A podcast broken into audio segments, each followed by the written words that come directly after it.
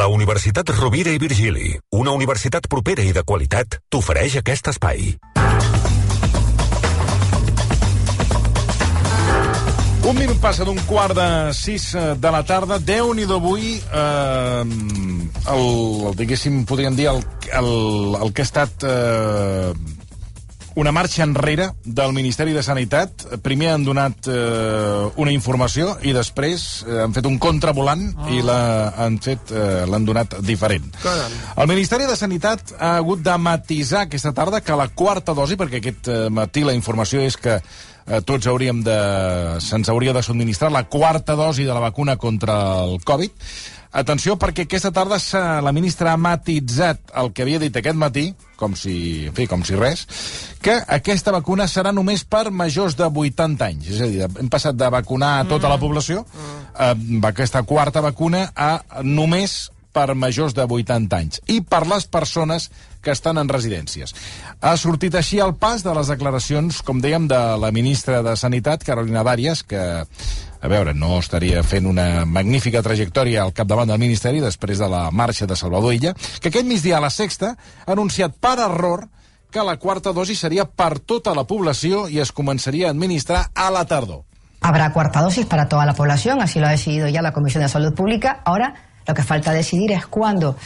Probablemente una fecha que se pueda barajar como posible sea en torno al otoño y también porque estamos esperando para esa fecha la llegada de nuevas vacunas adaptadas a variantes, como así está en los contratos que hemos firmado desde el Gobierno de España a través de la Unión Europea con las compañías farmacéuticas. Doncs aquesta és la credibilitat de la ministra, que al matí... Perdona, perdona, no ha dit cap mentida. Ha dit que toda la población se va a vacunar, pero falta decir cuándo. Cuando tengan 80 años. Cuando te... Boníssim, eh? Sí. Ole. Miri, això, aquí està, aquí fi. Aquí estat fi. Bueno, ha estat un detall que sense importància que la ministra s'ha deixat de comentar. Recordem que fins ara la quarta dosi només s'havia posat a les persones de més risc, com per exemple les immunodeprimides. I l'ampliació d'aquesta quarta dosi als majors de 80 anys, que és la modificació que ha fet el Ministeri de Sanitat aquesta tarda, i als residents coincideix amb l'expansió de dues subvariants d'Omicron, que en parlàvem dilluns amb Salvador Massip. Les soques BA.4 i la soca BA.5, que escapen eh, amb més facilitat de la immunitat i a Madrid ja representen el 50% de les mostres analitzades. Saludem a aquesta hora el Josep Corbella, periodista especialitzat en ciència i salut de La Vanguardia. Josep, bona tarda. Molt bona tarda. Um, T'ha sor- t'ha sorprès aquest contravolant del, del Ministeri? Perquè, clar, el que sorprèn és que surti la ministra, faci una entrevista, ho digui amb aquesta rotunditat, eh, donant per sentat que tots ens haurem de posar la quarta dosi i que a la tarda el Ministeri corre cuita vagi a corregir el que ha dit la ministra al matí. És que la ministra s'ha equivocat i això era evident des del moment que ho ha dit, perquè no hi ha ningú al món que recomani quartes dosis per tota la població. I no hi és perquè sabem, per, per les dades d'Israel, sabem que no serveixen perquè Israel és com un laboratori uh -huh. que ens ha estat molt útil a tots els altres, a la resta del món, perquè van començar a donar les terceres dosis abans de saber si funcionarien, esperant que funcionessin, i això ens va guiar a l'hora d'establir nosaltres bé el programa de terceres dosis, i van començar a donar quartes dosis també esperant que funcionessin abans de saber si funcionarien. I el que es va veure a Israel és que per persones grans són útils perquè redueix de manera substancial el risc de hospitalització de complicacions greus, però que per adults joves sants eh, no aporten cap benefici substancial perquè amb tres dosis ja estan molt protegits contra les complicacions greus i no, no aporta un benefici addicional. I, en canvi, la protecció que ofereixen contra el contagi és molt de molt curta durada. Per tant, la quarta dosi en població adulta sana no aporta un benefici substancial i per aquest motiu ningú no recomana i el Centre Europeu de Control de Malalties, precisament en les seves normes que actualitzades precisament aquesta mateixa setmana, recomana majors de 80 anys i considerar, segons la situació ep- epidemiològica, la franja de 60 a 80. I punt. No amb, no amb Per tota tant, la població. eh, Per tant, la, la ministra Sorprèn que la ministra s'ha equivocat. Ja no sabia les dades. Però, clar, que una ministra de Sanitat eh, s'equivoqui en aquest plantejament tan clar com, eh, com apuntes, que tothom ho té clar, sorprèn, eh, sorprèn en escreix. Um, Perdona, tothom ho té clar si, si t'has dedicat a seguir la, la, el detall del que passa amb les vacunes de la Covid, com han fet els membres de la Comissió de Salut Pública o hem fet els periodistes que seguim aquesta informació. Bueno, ella, però doncs, que- no està al dia d'aquesta informació. Bueno, però ella és la ministra Sí, i suposo que té, sí. i té un equip d'assessors que li poden explicar, no? Exacte. Doncs I un comitè cas... Això és, com aquell, això és com a científic, no? Miguel Sebastián, que li va, le va dir a Zapatero un dia amb un micro d'aquests que van quedar obert, li va dir, esto de la economía, nada, en tres o cuatro días lo pillas. Tres o cuatro lecciones ja lo pillas rápido. Tot i que Pedro Sánchez és economista, vull dir que mm. no venia a dir que... A, a, suposo que referia a l'hora d'expressar-ho i de- i d'explicar-ho. De, um, aquesta quarta dosi, que sí que confirmen serà per majors de 80 anys, per les persones que estan en residències, per, eh, en principi, i ara ens ho acabaràs d'ampliar, aquesta nova variant d'Omicron, que és la BA.4 i la BA.5. Um, quin tipus de variants són aquestes? Són una versió més evolucionada de l'Omicron. Mira, el més important, mm. si t'has de quedar avui amb un sol missatge de tot el que dic i et descuides de tota la resta, mm. el més important és que encara que hagis passat la Covid fa pocs dies, Sí, fa pocs dies. fa pocs dies, No mesos, si eh? l'has passat amb una variant diferent de la BA5, que és la que ara està creixent a Catalunya i serà dominant les properes setmanes, et pots tornar a contagiar. I si estàs vacunat, també. Um, per tant, el fet de, si t'has, mm, no sé, si, si vas passada per Setmana Santa o després de Setmana Santa, no et pensis que estàs protegit perquè amb aquesta nova variant que ve ha adquirit la capacitat d'infectar a persones que s'han contagiat amb variants anteriors d'Omicron. Això és el més important. Per tant, eh, anem a una... I de quina manera t'afecta aquesta variant? A veure, És a dir, és a dir, quan tu ara et tornes a contagiar, perquè comencem a conèixer casos, el que passa que eh, aquesta incidència, eh, el que vàrem parlar l'altre dia amb el Salvador Massip, no tenim masses dades, les, les últimes dades eh, han començat a créixer, el nombre de gent que està eh, contagiada, però no, no tenim masses dades ni se'ns explica massa cosa. Els símptomes són els mateixos del d'abans, són iguals, pitjors, que, com és aquesta variant? De, de quina manera ens afecta? Mira, com que no som el primer país on arriba, mm. n'hi ha d'altres on ha passat abans, eh, sobretot va començar a Sud-àfrica i després també ha passat a Portugal, que han tingut una pujada de casos i estan tornant a baixar. Hi ha un patró que sabem quin és el que probablement passarà aquí um, que consisteix en, quan arriba aquesta variant i substitueix a l'anterior, que és la BA2 que tenim nosaltres ara i que tenia Portugal abans, primer el que tenim és un increment important de contagis, però no hi ha un increment important d'hospitalitzacions. Això s'ha vist a Sud-àfrica, s'ha vist a Portugal i, per tant, és previsible que passi el mateix aquí. Causa eh, infeccions, però causa majoritàriament infeccions lleus en una població molt immunitzada, com som nosaltres, com és Portugal, com és la de Sud-àfrica. Diferent seria si arribés a la Xina o a Corea del Nord, però aquí el que ens passarà serà que les properes setmanes tindrem un increment important de casos, i de, però no tindrem... Però de casos lleus. Exacte, no hauríem de tenir un increment important Mm. d'hospitalitzacions si es reprodueix el patró de Sud-àfrica i de Portugal. Uh, aquest Gent, increment... perdona, eh? torno a subratllar-ho, perquè abans ho preguntava la Míriam mm. també, crec que era microtancat. O sigui, si has passat eh, la Covid, eh, ni que siguin pocs dies, aquesta variant et pot tornar a reinfectar. Si has per passat tant, no la és estrany. Exacte, si has passat la Covid, posem que el- a primers de maig, quan eh, ha estat dominant aquí a Catalunya la variant BA2 i per tant l'has tingut de BA2. Mm-hmm. I ara et trobes amb la BA5 nova, Et tornes a Sí, contagiar. perquè té l'habilitat, de, o sigui, ha desenvolupat unes mutacions, no gaires, però unes que li permeten amagar-se dels anticossos que neutralitzen la variant anterior. Per tant, et pot contagiar. Vaya, vaya. Aleshores, eh, per, deixeu-me afegir dues coses. Una és que tant a Sud-àfrica com, com a Portugal hi ha hagut un increment important de contagis, però no ha estat ni de bon tros tan gran com el que hi va haver el mes de gener. I així ha pujat, ha pujat a tots dos llocs durant un mes i al cap d'un mes ha tornat a baixar. Si passa el mateix aquí, podem esperar que estarem pujant fins a mitjans de juliol i després tornarem a baixar. S'ha de dir que com que som a l'estiu i a l'estiu el patró de mobilitat de la població, el patró d'interacció social canvia, és possible que aquest guió no es compleixi exactament igual. Però en principi el que podem esperar és a, a partir d'ara unes setmanes de pujada de casos, no de pujada important d'hospitalitzacions i després tornar a baixar. No sé si vols afegir alguna cosa més de la Covid o parlem de la vàrula del mico. Sí, sí, del que vulguis. No, perquè també s'ha- ja n'hem deixat de, hem, hem començat a parlar-ne poc, però la OMS ha avisat que Europa s'ha convertit en l'epicentre global de la varola del mico, eh, i no miro ningú, i que Espanya és el país, atenció, més afectat. Perdona, que li canviaran el nom, eh? Deixarà Ah, sí? de dir-se Varola del Mico. Ah, i com es dirà? Sí, varola de, No decidit varola de. Buigas. Per, no, No, però per, per quin motiu? Perquè és... Uh, Com ho ha fet, això? això és, és, quina, quina, quina bestiola és aquesta? Ha Mico, sigut, mico. ha sigut tristíssim. Però a mi me recorda una persona. Unga. Unga, unga, li recorda una persona? No diré el nom. Quina persona et recorda? Unga? No, no, no te diré. El to de veu m'ha recordat una persona. No, doncs escolta, l'OMS va molt en compte de no estigmatitzar cap país ni cap regió Bueno, amb els noms de les malalties. I amb Si els record- animals tampoc.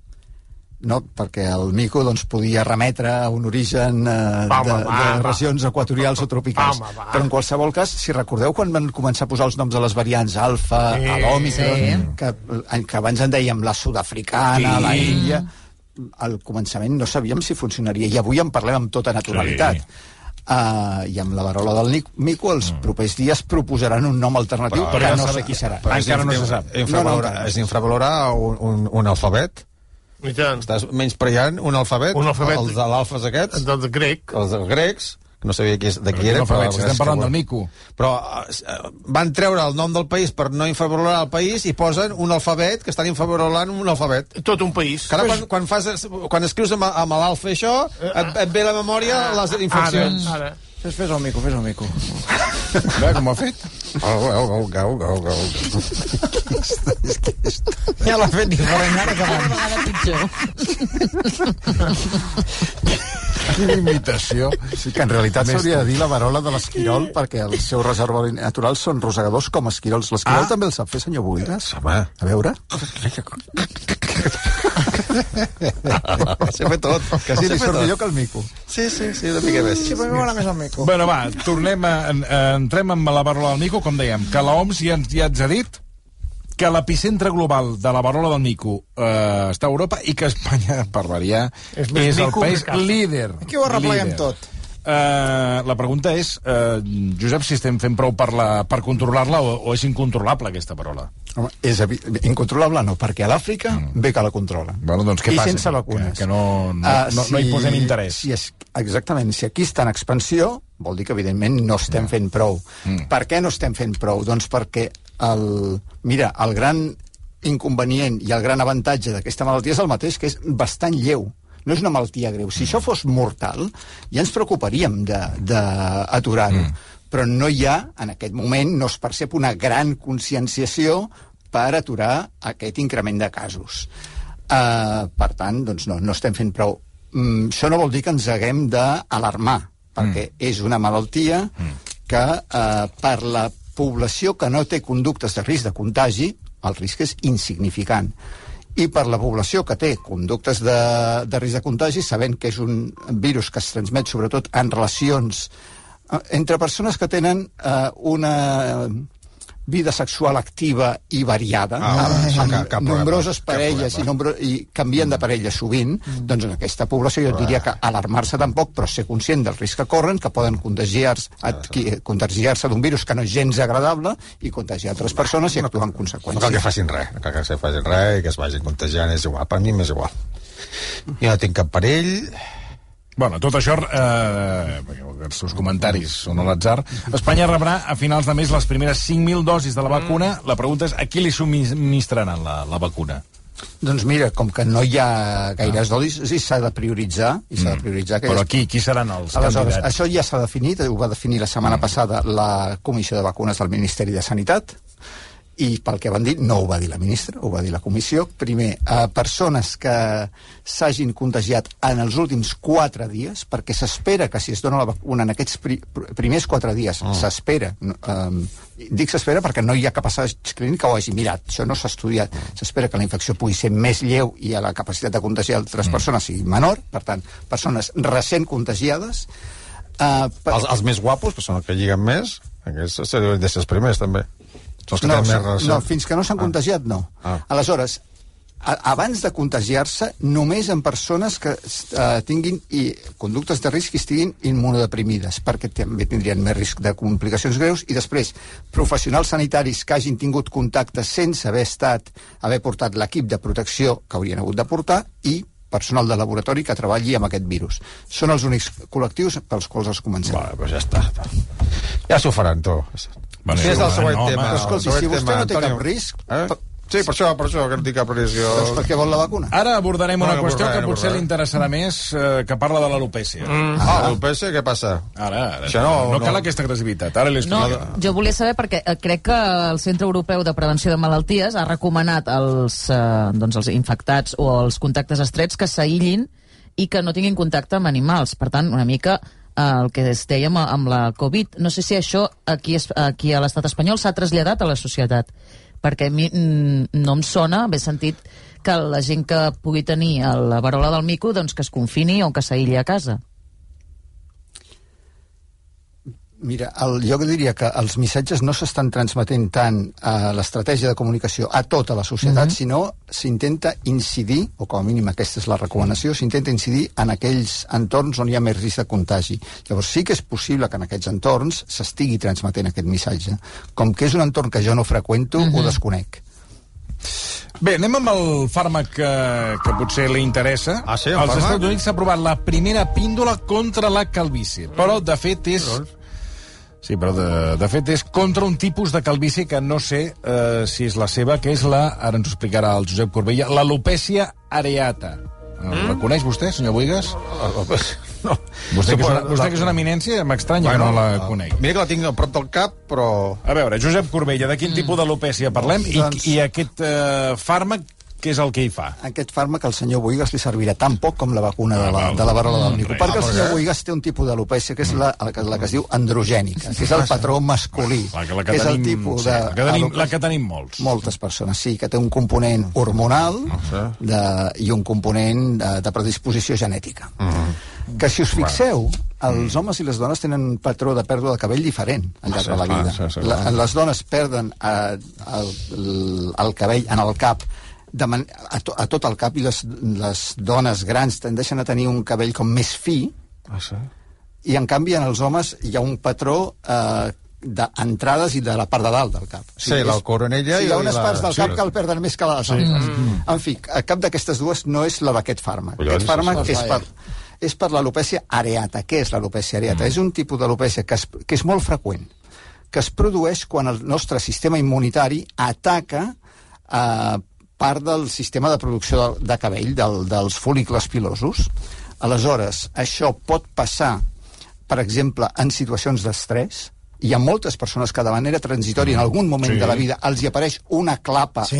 que pot ser al cap, pot ser a la barra, Sí, sí, pot ser sí. qualsevol lloc. Li ha, li ha passat a vostè Sí, també? sí, A mi- no. A mi, a mi m'ha passat, em, bueno, em va caure, afaitar-me el cap, em va Bueno, a caure... em va, caure- anem amb gent que realment té estrès. va. Perquè vostès dos no tenen estrès. No, a mi me va passar en el pubi. Bueno, Hi, bé, ha- hi ha casos eh, que són extrems, que hi ha una pèrdua molt gran de cabell a pot ser a tot el cos, pot ser a tot el cap, Sí, sí. passa tant en homes com en dones. sí, per pot ser diuen que en- per l'efecte de l'estrès.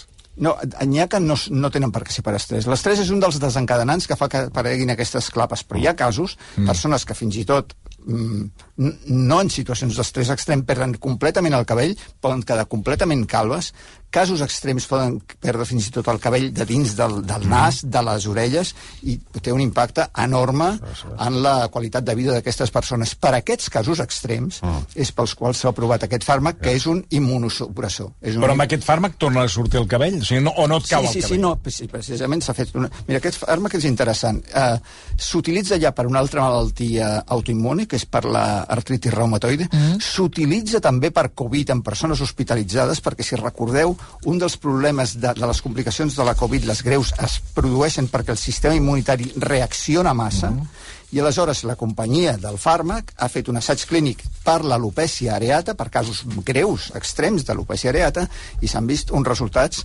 molt positius. Persones que no tenien gens de cabell, entre ells, per exemple, el New York Times va parlar el, el dilluns o dimarts d'una dona jove que era completament calva i que torna a tenir tot el seu cabell, tot el que tenia abans. Hi ha hagut casos realment de, de recuperar el cabell en persones que, pels quals aquesta alopècia areata era extrema i era molt eh, perjudicial mm. i l'han recuperat. I per aquests casos greus és pels quals s'ha aprovat el fàrmac Mira, als Estats Units. Veus? La violència, que diuen que no serveix per res. A què ve això? La violència, que deien que no servia per res. i Això, mira que per què ha servit la violència. Will Smith, a fotre l'hòstia en aquell que va riure de, de la que la seva dona era calva, i escolta, cames, a- ajudeu-me, els, els científics van Sí, posar sí. les piles, van Sí, córrer sí. com la pólvora i l'amenaça Sí, aquesta. sí, sí, tres, sí. a cap de, què, què fa d'això, tres mesos? Sí, Sí, sí. Quan, eh, eh, es- Ja hi ha es- la ja- pastilla. Ja, ja la Sí. pastilla. Fixa't, fixa't. Saps què vull dir? Hòstia. Va, que acabarem amb, amb, una última, res. amb una última notícia relacionada amb la ciència. Una molècula que inhibeix la gana. Uh, segons una investigació recent, practicar activitat física produeix una molècula que redueix la gana. I aquests resultats obren la via a poder desenvolupar fàrmacs que portin resultats equivalents als de fer exercici. O sigui, no ens caldria fer exercici, No. prenent la pastilla i Ah, ja exacte. està. Sí, però no ho fan tant. Mira, vaig, parlar, vaig posar-me en contacte amb els investigadors de Stanford, de Califòrnia. No ho fan tant per persones com tu, Ah, com per persones grans uh -huh. o persones que tenen problemes de mobilitat reduïda i pels quals una pastilla que simulés els beneficis de l'activitat física seria saludable. Uh -huh. Per tu i per mi, sortir Millor fer esport, no? Exacte, sí, és per això. vale, vale. I què fa això? Que prens la pastilla i amb aquesta molècula no tens més gana. O talla la gana. No, no, mira, això, la investigació és fantàstica. És un grup de recerca que fa anys que estan, in- es van preguntar l'activitat física és saludable, ho sabem tots, però mm. per què ho és? Exactament, perquè ho sabem en general, però com actua el cos? Aleshores, van agafar uns ratolins, els van fer córrer en una gàbia, uh, i van mirar el, a la sang dels ratolins tot el que havia canviat, el que en diuen els metabòlits, les molècules que s'havien produït com a conseqüència de l'activitat física. I en van trobar una que es va disparar de, de, amb la seva quantitat. I mm. també ho van comprovar en cavalls de curses mm. i ho van comprovar en persones que també, voluntaris que van participar en uns exercicis de, amb cinta, per exemple. Aquesta molècula, la mateixa es disparava. I aleshores es van preguntar, i què deu tenir aquesta molècula? Que, que, com deu actuar? La van donar a ratolins en forma de fàrmac, els, els hi van injectar, i van observar que els ratolins obesos començaven a menjar menys, a perdre pes, a perdre greix però no teixit muscular, uh -huh. a regular millor la glucosa, a tenir tot un seguit de beneficis adaptats, a, associats a l'activitat física. Uh -huh. I a partir d'aquí, els- les passes següents és entendre millor com funciona exactament aquesta molècula en el cos amb l'objectiu de desenvolupar un fàrmac que es pugui Jo tinc, un, jo administrar. tinc un fàrmac que va bé per aprimar-se. Sí? Quin és el seu? Bueno, jo, és, no res, eh? l'has d'anar a buscar, se me'l poso a 5 quilòmetres més enllà i l'has d'anar a buscar caminant. Saps? Si me t'aprimes. Va, escolta, eh, avui ho deixarem aquí sí. perquè jo me n'he d'anar de- d'excursió, ara us Ah, explicaré. sí? Sí, On avui me'n vaig, tinc una cita. Eh, Josep Corbella, abans de res, moltíssimes, moltíssimes gràcies. A vosaltres. Periodista de Ciència i Salut a La Vanguardia i amb On el vas? seu parler... Eh? On vas? Tinc cita amb l'Oles León. Oh, hombre, què me ara dius? Sí, sí, Oh. fem un retrobament Però, perdó, fa un grapat d'anys que no ens veiem i... Però, però és, que en Lliga vas a, vas a buscar No, el Liga... Liga, de Liga, res. Vas a buscar No, el no, Liga, no, que no, no. te'n va sortir. No, fa anys que- que no te'n va no, no, sortir. és fa que no. anys que insisteixes. No, i, no, no, I no hi ha que manera. No, no, és que ni ligue ni li lo ligue. No, no és un ligue, és un no, ligue. és que no és un teu. És que no és un ligue. És un ligue teu que, que trobo que... Que que no, però que no és per un què insisteixes? Si ja t'ha dit 15 vegades que no. Jo no insisteixo. Tendrá, insistes. tendrá que anar con el DNI, ¿eh? Porque ella está guapa, más guapa que A tú ver. estás, bueno, irreconocible de cuando la vas con ese, porque está que sembra, sembra una rodera de camión. Bé, ara us ho explicaré. Ah, Ara us ho explicaré. Eh? D'aquí, res, 20 minuts ens retrobem. Eh, ho Sí. faré des del Teatre Condal, que és que m'espera. Fes, fes, queda bé, eh? Corre. Ay, que es guapísima, ¿eh? De que- Vinga, fins ara. Faré un màster a la URB per tenir més oportunitats laborals. Faré un màster a la URB per poder treballar del que m'agrada. Tria la teva especialització entre els més de 90 màsters i postgraus presencials i virtuals de la Universitat Rovira i Virgili. Inscriu-t'hi ara. Continua avançant amb la URB.